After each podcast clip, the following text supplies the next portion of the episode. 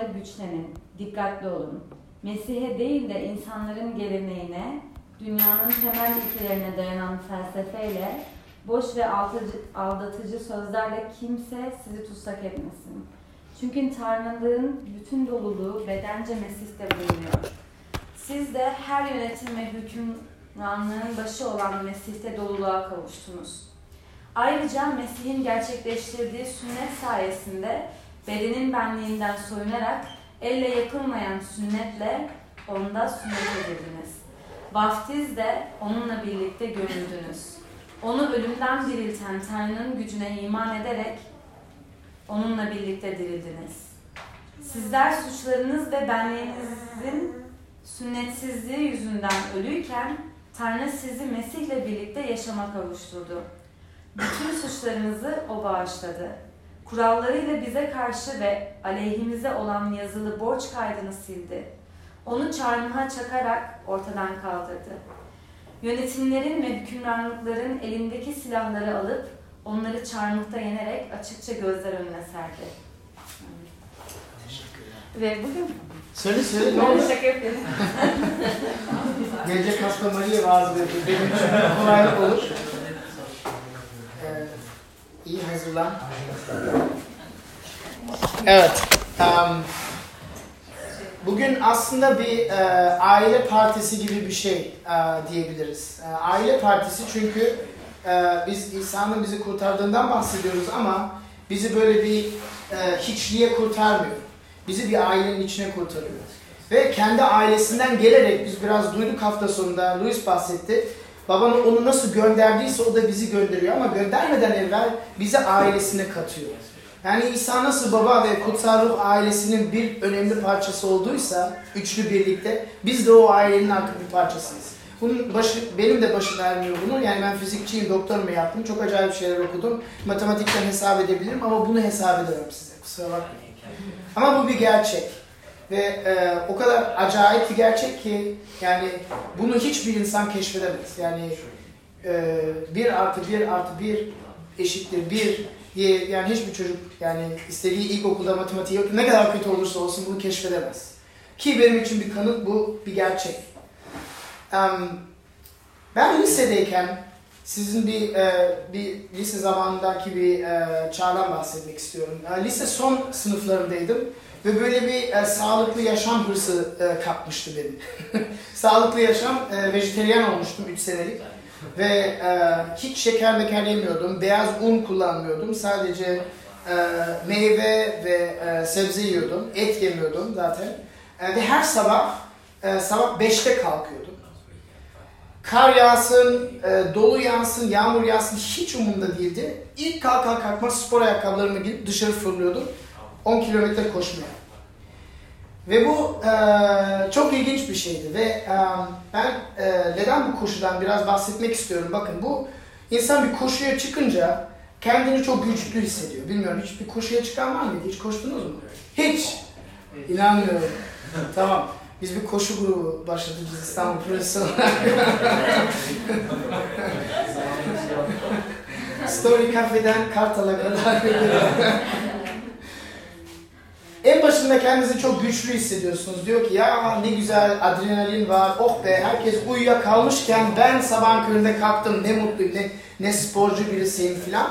Yola çıkınca ve benim o yolum bayağı bir yokuş alt yokuş üstüydü. Yani böyle em, ormanda koşuyordum ve ormanın bazı böyle yollar çok e, dik çıkıyordu yani. E, adaya çıkar gibi aslında buraya gelir gibi. Ve em, ilk e, ilk adrenalin geçtikten sonra biraz kaslar yorulmaya başlıyor. İnsan biraz e, kendini sorumluyor. Ya neden ben bunu yapıyorum ya bu çılgın şeyi. Daha bir saat daha fazla uyuyabilirdim keşke. Veya kramplar girince benim ilk buralarıma kramp girmeye başlıyordu. Ee, insan yani hevesi azalıyor. Ve insan kendi kendine soruyor yani bu ne bu eziyet yani? Neden yapıyorsun? Ama koşuya devam etmek için bize bir teşvik gerek. Bir um, bir destek gerek ya yani kendi e, kendinizden bir destek veyahut böyle koşulara çıkınca e, biz Hamburg'da sosyal e, e, sosyal bir e, e, kurum için 5 kilometre koştuk ve herkes sponsorlar aradı ve her koştuğun metre için para verdiler, topladılar. Ve o bir destekti, bir teşvikti. Kendim için koşmuyorum. Bu e, anne babasız çocuklar için koşuyorum. Veya bu e, merhamet hizmetine para toplamak için koşuyorum. Veyahut koşu yolunda insanlar var diyor. Yeee hadi bir kilometre kaldı. Böyle bir destek, bir teşvik lazım. Ve ben bunu neden anlatıyorum? Çünkü kutsal kitap iman hayatını bir koşuyla benzetiyor. Diyor ki bu, bu bir koşudur ve Tanrı'yla kavuşup yol sonuna gelene kadar süren bir koşudur. Ve iman hayatı koşuysa vaftiz bu koşunun başında olan bir şeydir. Vaftizde etrafımıza ve görülmez gerçeğe İsa'ya iman edip ettiğimizi bildiriyoruz. Ve koşu süresinde değişik şeyler yaşarsınız. Mutluluk, neşe, Tanrı sevgisi, yenilmez bir hava ama aynı zamanda da acı yaşantılar olur. Rüveyda biraz bahsetti. Üzüntüler yaşarsınız, acılar yaşarsınız, alay edilme yaşarsınız, dostlardan terk edilirsiniz. Tanrı yollarını anlamama e, sorunundan karşılaşırsınız. Başka insanlar bize kim olup, olup olmayacağınızı ve ne yapıp yapmayacağınızı söylemekten karşılaşırsınız. E, neye inanıp inanmayacağımızı e, söylemekle karşılaşırsınız. Ve yani e, bazı zamanlar kendi imanımız da zayıf ve görünmez gibi olan zamanlarla da e, karşılaşacaksınız muhtemelen. Koşu yorucu olabilir. Bu zamanlarda destek ve teşvik gerek. Aynı gerçek bir koşu için ve bu hükümetinden üç tane teşvikten bahsetmek istiyorum. Vaftizden kaynaklanan bize üç tane teşvik. Rüveyda'ya üç tane teşvik. Um, birincisi hiçbir zaman yalnız değilsiniz. İkincisi gereken her şey bize verilmiştir. Ve üçüncüsü yeni bir isim verilmiştir bize. Hiçbir zaman yalnız değilsiniz. Gereken her şey bize verilmiştir. Ve yeni bir isim verilmiştir bize. Başlayalım birincisinden. Hiçbir zaman yalnız değilsiniz. Kolosiler mektubu milattan sonra 60 yıllarında yazılmıştı Paulus tarafından. Ve Paulus bu mektupta Kolose'deki Hristiyanlara, oradaki kiliseye imanların ve imanlarının ve vaftizin anlamını açıklıyor. Ve bu önümüzdeki metin aslında yani vaftiz üzerine en en derin metinlerden sayılır. Ve bir şey çok açık burada. Hristiyan olup vaftiz olmak İsa ile son derece derin bir ilişkiye girmekle aynı şeydir. Yani çok sevgi dolu bir bağ kurmak demektir. Ve Rüveyda dedi, e, İsa olmasa ben inanmazdım zaten dedi. Ve aynen bu e, yani onun söylediği bu metinde de ortaya çıkıyor. 10. ayete bakarsanız 10. ayette diyor ki Mesih'te doluluğa kavuştunuz diyor.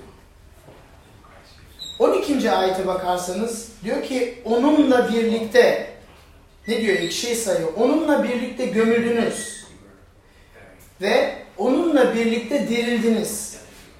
Yani iki, iki defa aynı şeyi tekrarlayınca bu bayağı önemli bir şey. Ve yani demek isteyen şu, isteyen olunca İsa ile son derece yakın bir ilişki, bir bağ oluşuyor. Bu ayrılmaz bir bağ ve gerekçeye bakarsak aslında Mesih'te yani tamamen onunla birebir olmak demektir.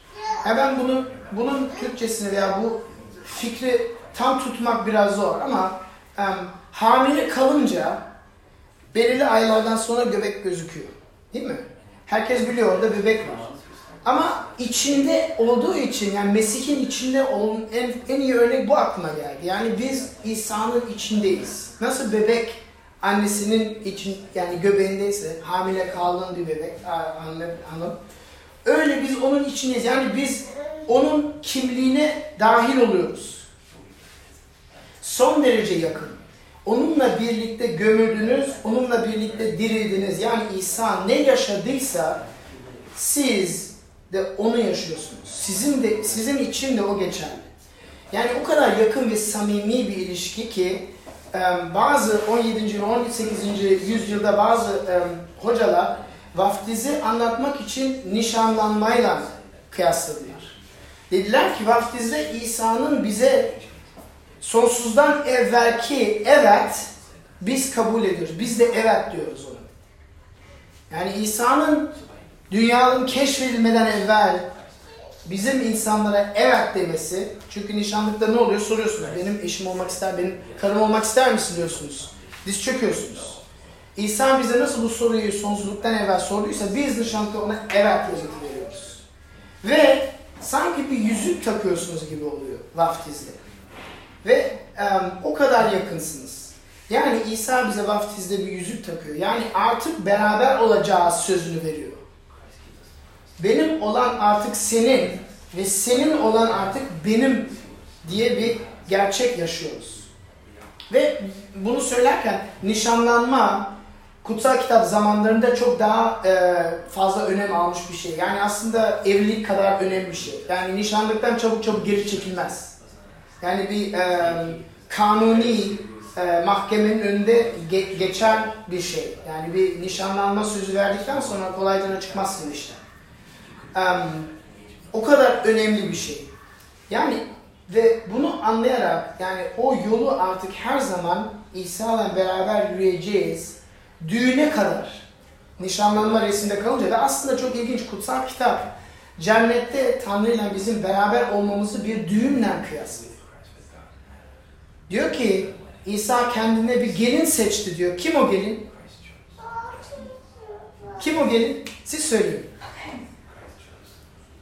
Maria kim? Ben. Ben. Hepimiz.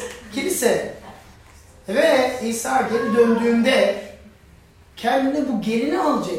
Yani düğün olacak. Bir büyük muhteşem bir parti olacak. Ve gelene kadar o nişanlı yüzüğünü taşıyoruz. O sözüne inanarak yalan söyleyemeyen bir Tanrı'ya inanarak onu onu bekliyoruz. Tanrı ile beraber geçireceğimiz sonsuz cenneti kutsal kitap bir düğünle olarak anlatır. Yani İsa ile son derece yakın bir ilişkiye giriyoruz. Bir bağ oluşuyor. Ve bakın bu kötü şeyler yaşadığımız, acı çektiğimiz anlarda Rabbi sorguladığımız zamanlar için büyük bir teşvik. Birinci teşvik. Hiçbir zaman yalnız olmayacaksınız. Koşumuzda yorulunca, daha üzerine koştuğunuzda, pes etmek istediğinizde, ayaklarınıza kramp girdiğinizde, artık bıktığınızda, her şeyi sorguladığınızda o yüzüğü düşüneceksiniz. Yok bana söz verdi. Ben anlamasam da bunda bir anlam var. Bunda bir iyilik var. Bunun bir manası, bir sebebi var. Ve teşviği görüyorsunuz değil mi? Onunla beraber yaşarsak, onun bir parçasıysak, onun ailesine katıldıysak, bize nişanlanma töreninde yüzük verdiyse bizi o nasıl unutabilir? Asla unutmaz. Unutamaz. Artık her an, her yerde sizinle olacak. Zaten İsa öyle dedi. Benim adıma 2-3, sizler 2-3 beraber gelip dua ettiğinde ben tam sizin ortanızdayım dedi. Sizde kalacak, demin söylediğimiz gibi. Çünkü sizler Mesih'tesiniz. Aynı bir hamile hanımın bebeği gibi. Bu birinci tesvik. Ve bunu yaşayan olan oldu mu bilmiyorum. Acı zamanlardan geçip bunu yaşayanlar oldu? Ben hazırlarken düşündüm bizim ikinci çocuğumuz doğduğunda, Leyla doğduğunda ve biz Yunus ve Leyla arasında biraz fazla zaman var bilmiyorum üç buçuk sene ve biz bunu daha kısa bir zaman olarak umut etmiş olduk. Demiştik ya fazla uzun olmasınlar daha iyi oynarlar filan. Ama yani elin, elinde olan bir şey bu. Ve Leyla'la hamile kaldığımızda çok mutluyduk. Çok e, aslında bir ant çocuğuydu. Çünkü e, o başka bir vaaz. Zirveye sorarsınız. O özel bir anlama geliyor Zirve'nin hayatında. Leyla doğduğunda çok mutluyduk ama doğduğunda çok şok olduk. Çünkü doğduğunda boğazında bir tümörle doğdu. Ve fazla uzatmayayım. Bize dediler vallahi yani bir iki sene yaşarsa yani mutlu olmak. Yani çünkü tam ne olduğu belli değil. Araştırılmamış bir şey. Doktor tarafından tedavisi yok. Ee, bebeğe kemoterapi yapamazsınız. Ee, kesmek için çok büyük, ameliyat etmek için. Artık kaldık orada. Doğuştan sonra hemen iki hafta sonra, üç hafta sonra hastanelere gittik. Ameliyatlar oldu, buradan şey çıkarttılar. insan iğneler soktular, insan perişan oldu. Ama bize Zirve'ye de sorarsanız o zamanlarda kendimizi o kadar taşımış hissettik ki İsa bu durumun tam içindeydi. Ben herhalde o kadar acı hayatımda yaşamadığımı zannediyorum ama İsa tam oradaydı. Bunu yaşayan mu böyle zamanlar? Belki şimdi yaşıyorsunuz. Belki şu an yaşadığınız durum bu. İkinci teşvik. Gereken her şey bize verilmiştir. Paulus Kolose'deki Hristiyanlara vaftizin anlamını açıklıyor. Ama aynı zamanda bir uyarı sunuyor. 8. ayete bakarsanız orada ne yazıyor 8. ayette? Diyor dikkatli olun. Mesih'e değil de insanların geleneğine, dünyanın temel ilkelerine dayanan felsefeyle, boş ve aldatıcı sözlerle kimse sizi tutsak etmeyin. Etmesin. Bakın ve bunu okuyunca yani Hristiyanlar felsefeye karşı değil. Ve bu bu ayet felsefeye karşı olan bir ayet değil. Hatta çok Hristiyan çok ünlü felsefecisidir. Ama birinci yüzyılda bu felsefe kelimesinden başka bir anlam e, kastediyor. Daha geniş bir anlamda geçiyor. Ve durum şu, Kolose'deki kilisenin içinde bir grup vardı ve e, yanlış bir öğreti yayıyordu. Ve gerçekten diyorlardı ki gerçek zengin manevi İsa'nın içinde hayata kavuşmak istersen sadece İsa değil, sadece İsa değil ondan ötürü iki başka şey lazım sana. İki başka şey. Birisi asketik hayat tarzı. Yani bazı kurallar. Şunları yiyeceksin, şunları yemeyeceksin. Şunlara dokunacaksın, bunları dokunmayacaksın. Bu bayramları kutlayacaksın, bu bayramları kutlamayacaksın. Ee, bu dolunayda e, dışarı çıkabilirsin, bu, bu aylarda dışarı çıkamazsın. Böyle asketik kurallar vardı ve ikincisi özel ruhi bilgelik ve doğaüstü düşler ve tecrübeler lazım insan. Onlar yoksa yok artık manevi hayat imkansız senin için. Ve Paulus'un buna yanıt verdiği şu, aslında bütün mektupta geçiyor bu konu ama burada özel bir yanıt veriyor. 9. ve 10. ayette diyor ki, çünkü Tanrı'nın bütün doluluğu bedence Mesih'te bulunuyor. Hatırlatıyor. Siz de her yönetim ve hükümranlığın başı olan Mesih'te doluluğa kavuştunuz. Paulus bunu demek istiyor. Diyor ki Tanrılığın bütün doluluğu bedence Mesih'te yani Tanrı'nın özelliği, kimliği, şahsiyeti, duyguları, hareketleri, davranışları hepsini İsa'da görüyorsunuz. İsa onun size gösterilen örneği diyor. Yani hatırlarsak kutsal kitap nasıl başlıyor en başında? Tanrı her şeyi yaratıyor değil mi? Yaratılış kitabında. Ve bir, birinci bölümde bir yere geliyoruz diyor ki Tanrı diyor ki hadi biz kendi suretimizde insan yaratalım. Hatırlıyor musun bu yeri? Bütün hikaye orada başlıyor. Kendi suretimizde insan yaratılır. Ama o suret, o imaj bozuk bir imaj. Çünkü insanlar günaha düştü. Ama tek bir ima, tek bir suret var. O da İsa. O mükemmel, muhteşem surettir. Tanrı'nın muhteşem suretidir. Ve bu İsa'la vaftiz sayesinde bağlı oluyoruz. Bağlısınız. Mesih'tesiniz yani ve ve ondan siz de doluluğa kavuştunuz diye Paulus. Tanrı'yı gerçekten tanımak için bundan başka hiçbir şey istemez. Sadece bu bağlı, bu ilişki ister. Bakın bunun içinde bir teşvik var. Neden bir teşvik var? Bakın. Ben biraz matematiği seviyorum. Ee, birkaç sene evvel bir kitap çıktı. Ee, ve e, kitabın adı şu. İsa artık artı bakın bu bir matematik formülü dikkat edin.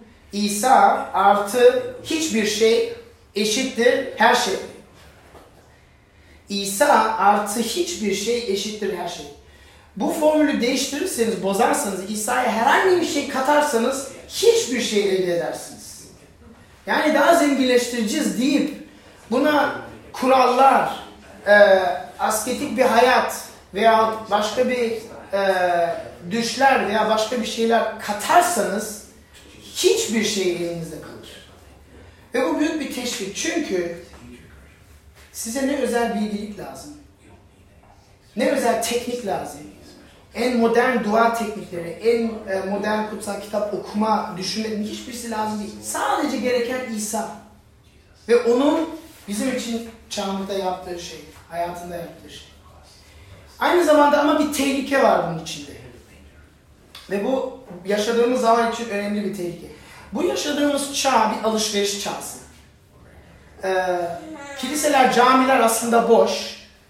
AVM'ler dolu. Kiliseler, camiler, sinagoglar boş ama cebimiz parayla dolu. Ve biz küçük tanrı gibi her şeyi parayla alabilir iddiasında yaşıyoruz. Ve din ve manevi hayat bir alışverişe dönüşüyor. Nasıl siz gidip Carrefour'da o alışveriş arabasından dolaşıp ha şundan alayım, şunu alayım, şunu alayım. Şunu. Biz de böyle ve bunu mutlaka, mutlaka her arkadaşınızda görürsünüz. Şuna inanıyorum ama şuna inanmıyorum, şuna inanıyorum. Topluyorsunuz.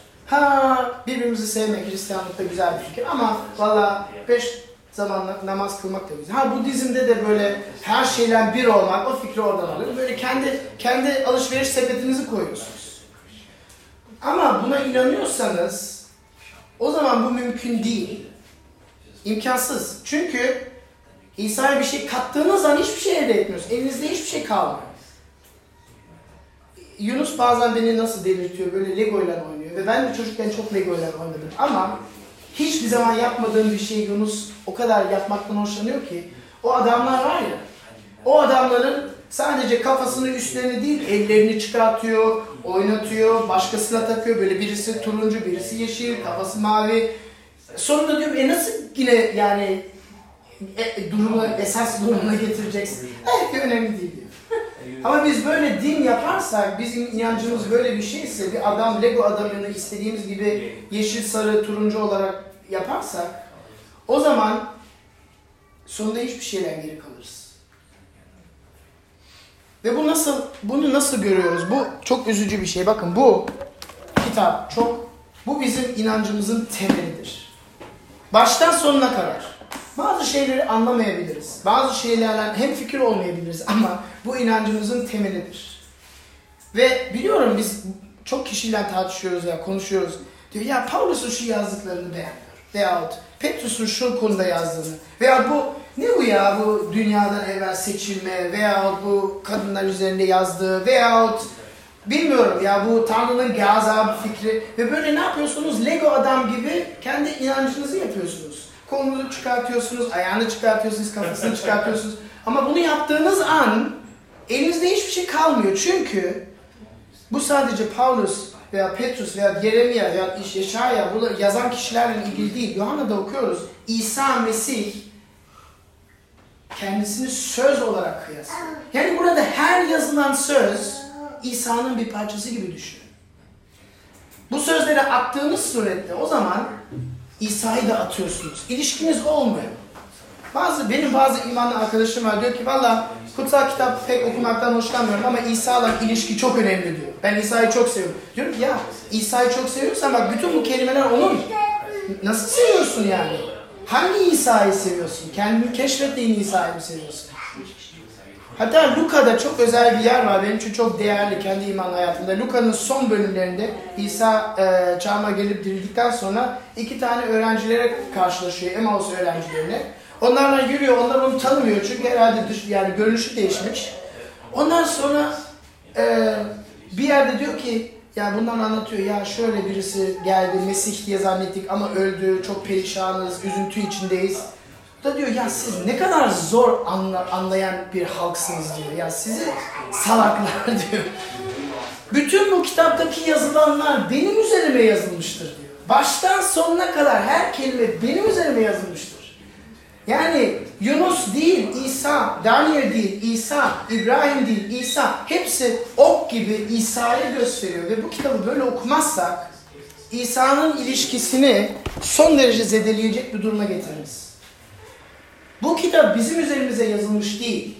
Sen bu kuralları tutarsan cennete varacaksın diye bir kitap değil. Bu baştan sonuna kadar İsa üzerine yazılmış bir kitap. Çünkü o bütün kuralları tuttu. Ve bu büyük bir teşvik. Gereken her şey bize verilmiştir. Hiçbir şey yapmamız gerek. Bitti. İş bitti. Nişanlı yüzüğü aldık. Düğün gelecek. Kesin gelecek. Ve bu neden bir teşvik? Bakın bazen diyoruz ya ben benim yeteneğim yok. Ben bunu yapamam. Ben ben biraz aptal kalmışım. Bunlar bak ne güzel anlatıyor. Ben anlatamıyorum. Ben e, İsa'yı ben- benim Türkçem yetmiyor belki. hiç fark etmez. Buna inanıyorsanız hiç fark etmez. Yeteneksiz olmak diye bir şey yok. Çünkü kendi yaptığınız değil, İsa'nın yaptığı. Siz az buz Türkçe ile izah edersiniz, Tanrı'nın kutsal ruhu gelir şak diye anlatır. Bu iş böyle. Üçüncü şeye gelip bitiriyorum. Yeni bir isim. Bize yeni bir isim verildi. Bakın 12. ve 13. ayete gelince Diyor ki vaftizde onunla birlikte gömüldünüz. Onu ölümden dirilten Tanrı'nın gücüne iman ederek onunla birlikte dirildiniz. Ve 13. ayetin sonuna diyor ki Tanrı sizi Mesih'le birlikte yaşama kavuşturdu. Paulus'un hatırlattığı tarihi olaylar. Paulus burada tarihten geçmiş olan bir olayı hatırlatıyor. Bir, İsa'nın gömülmesi. Ölüp gömülmesi. İkincisi İsa'nın dirilişi. İsa'ya bağlı olduğunuz için siz de gömülüp dirildiğimizi evvel biraz bundan bahsettik evvelden. Onun ölümü sizin ölümünüz oldu. Onun yaşamı sizin yaşamınız oldu. Ve tanrısız yaşamınız gömülüp bitti. Tanrısız, İsa'sız yaşadığınız hayatınızın bölümü gömülüp. Bitti. Yaşama kavuştunuz. Diyor ki Tanrı sizi Mesih'le birlikte yaşama kavuşturdu diyor. E evvelden yaşamadık mı? Hayır. Tanrı'nın gözünde ölü, ölü gibiydik. Ölü gibiydik, yaşamadık. Yeni yaşama kavuştuk. Nişanlanma yüzüğü artık parmağınızda. Vaftizde, vaftizde simgeleyen budur. Vaftizde göreceksiniz biraz sonra. Su altına inmemiz İsa ile ölüp gömülmemiz manasına geliyor. Eski hayat bitmiş artık, son. Ve su altından yeniden çıkmamız, yeni yaşama dirilmemizden aynı manaya geliyor. Sudan çıkınca parmakta yüzük var. İsa'nın nişanlısı olarak çıkıyoruz sudan. Onun ailesinin parçası olarak çıkıyoruz. Pavlus'un vurgulamak istediği şu. Tanrı'nın kimliği nasılsa sizin de kimliğiniz artık odur. Tanrı'nın özellikleri neyse sizin de özellikleriniz artık odur. Ve bu yeni bir kişiselliğe doğuyoruz. Ve bakın çok ilginç bir şey. 14. ayeti tamamıyla okursak kurallarıyla bize karşı ve aleyhimizde olan yazılı borç kaydını, borç belgesini sildi. Onu çarmıha çakarak ortadan kaldırdı diyor. Borç kaydını çarmıha çakarak. Borç kaydı nedir? Bakın bizi suçlayan her şey. Bir insan üzerine kötü düşündüğünüzse, yalan söylediğinizse, küçük de olsun. Ben en başında iman hayatında zirveyeden sohbet ediyordum. Ben ben açık söyleyeyim Hristiyanlığa gülünç buluyorum. Yani en mantıksız din varsa Hristiyanlıktır. Bana söyleseydiniz, valla sen iman edeceksin, Hristiyan olacaksın. Valla günün fıkrası olurdu artık yani. Diyordum ya, ben iyi bir insanım. Sen hiç yalan söylemedin mi? Ya ama yani sevgiden onları korumak için çünkü gerçeği tam çekemezler. Annene hiç bağırmadın mı? Terbiyesizlik. Ama bazen beni sinirlendiriyor. Biz birbirimize barışıyoruz ama yine barışıyoruz. Ama bunlar peşinden geldi. Ya gerçekten ben yalan söylüyorum. Şunu yapıyorum, bunu yapıyorum. Ben o kadar iyi bir insan değilmişim yani. Ve başka insanlara kızdığım şeyleri kendim de yapıyorum. Başka insanların aleyhinde kötü konuşuyorum. Benim aleyhinde kötü konuşunca ben kızıyorum ya böyle bir dost olur mu diyorum. Zamanında gelmeyip beni bir saat, iki saat bekleyen insanlara kızıp ben de aynı şeyi yapıyormuşum. Ama böyle kafamız öyle işlemiyor. Bir dengeliyor. Kendi yaptığımızı açıklayabiliyoruz ama başkalarının yaptığını yargılıyoruz. Bakın bu Paulus'un kullandığı dil, kavramlar dava ve mahkeme kavramları. Yani burada bir dava durumu var. Bize karşı bir dava açılmış ve mahkemedeyiz ve karar bekliyoruz. Ve yargıç Tanrı. Yargıç Tanrı ve karar olacak. Kitaplar açılıyor. Ama İsa'nın sayesinde borç kaydı yok. E suçlama nerede? Kitaplar boş. Dava geçersiz. Suçlanacak hiçbir şey yok.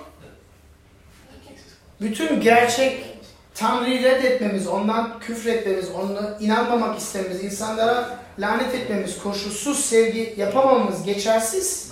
Çünkü İsa'la beraber ölüp gömüldü. Borç kredi çarmıha gerildi. Nasıl İsa çarmıha gerildiyse.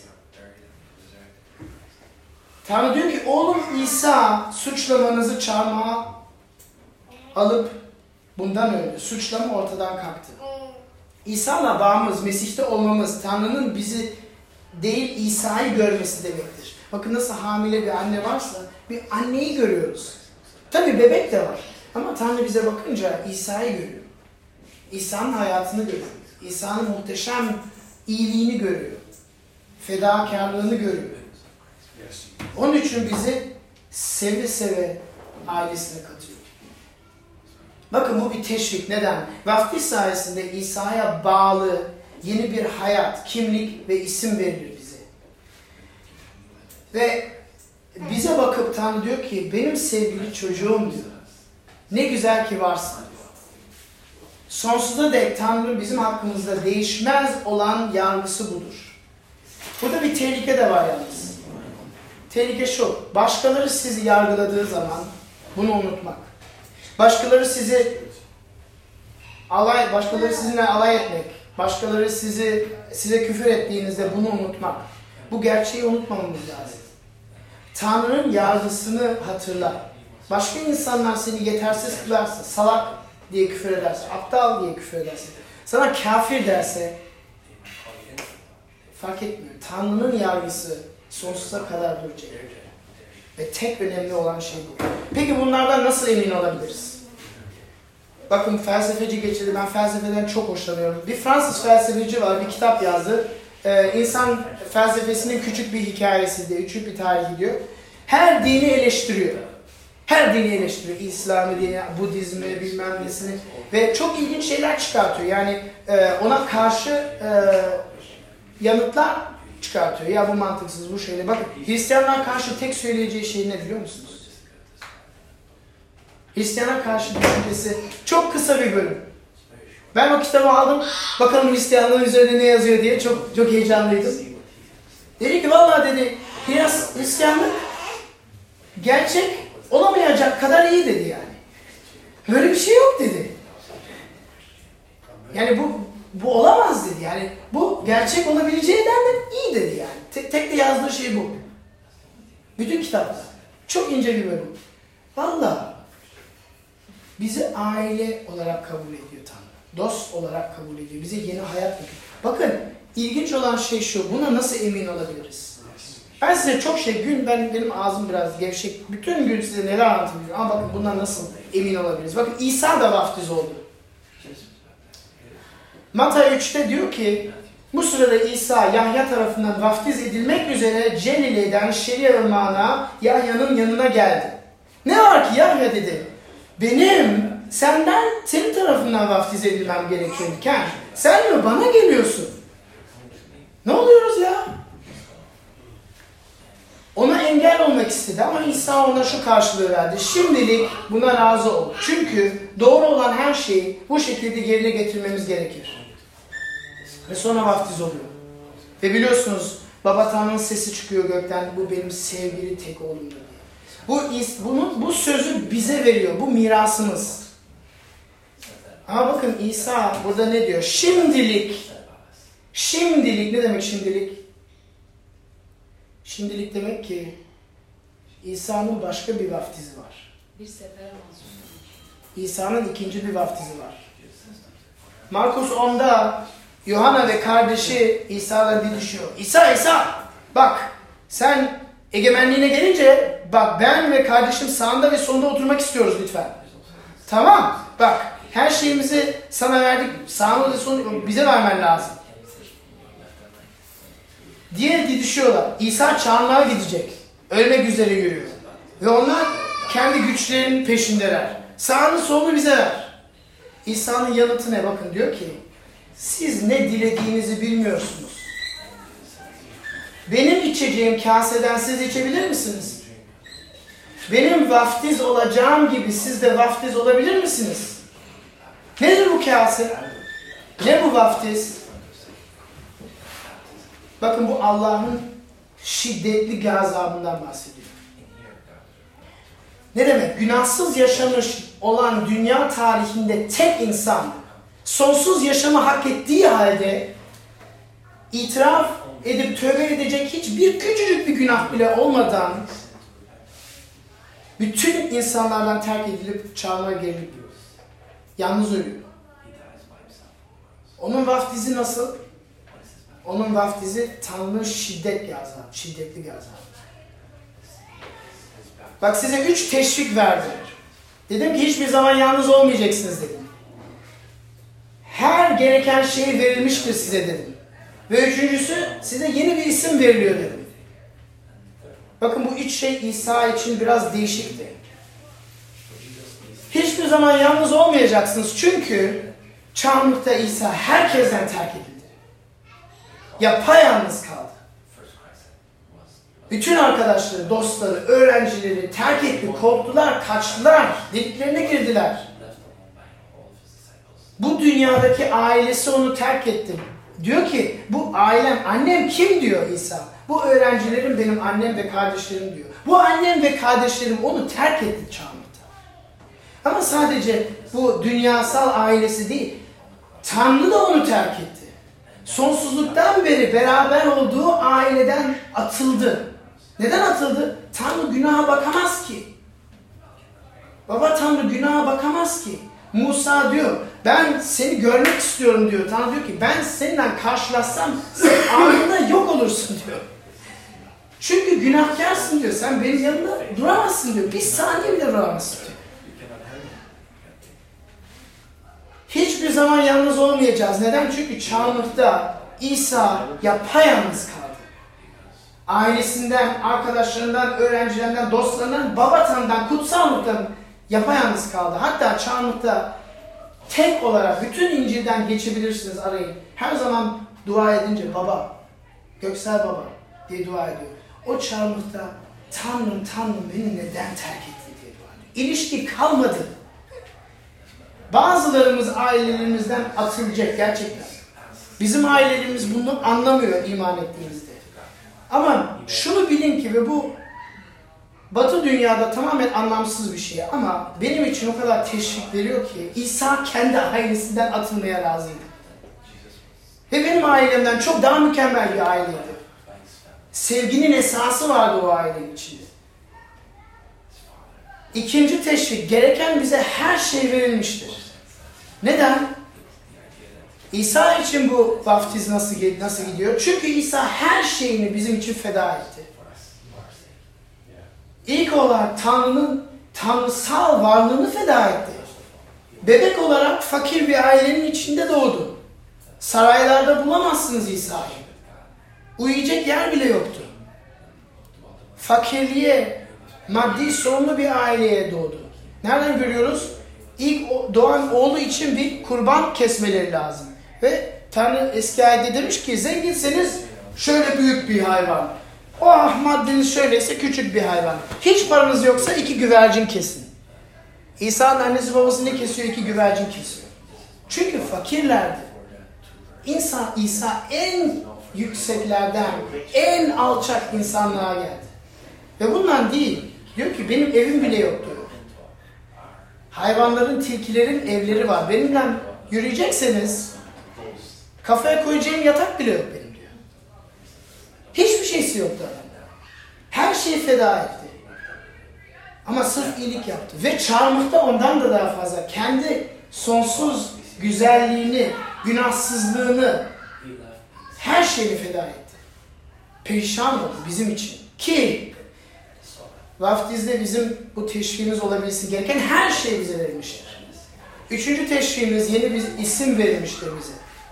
Biz artık Hristiyanız. Hristiyan nereden geliyor? Hristos yani Mesih. Biz Mesih'in içindeyiz. Mesih'teyiz artık. Peki İsa'nın vaftizinde bu gerçek nasıl? Bunu nasıl alıyoruz yeni bir isim? Çünkü İsa çağımızda üçlü bir aileden atılıp ismini kaybetti. İsmini kaybetti. Sen benim tek sevimli oğlumsun. Ben senden gurur duyuyorumdan Tanrı sırtını döndü ve gazabını İsa'nın üzerine döktü. Çünkü dünyanın bütün günahı onun üstündeydi. Bu bir kaza değildi. Bu İsa'nın bize göstermek istediği sevgisiydi. İsa çarmıhta ismini kaybetti, statüsünü kaybetti. Ve kaybettiği için biz o aileye kabul edebildik. Bakın bir insan Hristiyan olunca, vaftiz olunca, yeni yaşama kavuşunca hayat koşuşu başlıyor. Biz o koşuya çıkıyoruz. Sabah 5'te. Ama yorulunca, ümidimiz kesilince, mahcup olunca, acılarda yürüyünce, üzüntüye tutulunca vaftizin anlamını hatırlayalım. İsa'ya bağlısınız. Mesih'tesiniz. Siz hiç yalnız olmayacaksınız. O bizi hiç yalnız bırakmayacak. Kutsal ruhla bizi bereketledi. Gereken her şeyi bize verdi. Yeni bir kimlik, iş, iş, isim ve şahsiyet verdi. Tanrı'nın sevmiş çocukları olarak. Dua edelim. Rabbi İsa sana şükrediyoruz. Sen bizi o kadar değerli kıldın ki hiçbir şey, hiçbir uh, paha senin için çok pahalı değil. Sen bizi gerçekten sevdin. Bütün zenginliğini üzerimize döktün. Bunu lütfen kendi gözlerimizden görebilelim. Senin sevgini tadabilelim. Sadece kafayla değil yüreklerimizle tadabilelim. Sen bizimle karşılaş ve şimdi lütfen Rüyeyda'yı özel bir şekilde bereketle, neşeyle doldur, mutlu et Tanrım ve o acı gerçeklerde yürürken vaftizin gerçeğini, teşviğini unutmasın. Sana dua ediyoruz. Baba, oğul ve kutsal ruh adına amin. Şimdi karşıya geçeceğiz. Siz de benimle gelirseniz seviniriz. Simon'a telefon edeceğiz. Çünkü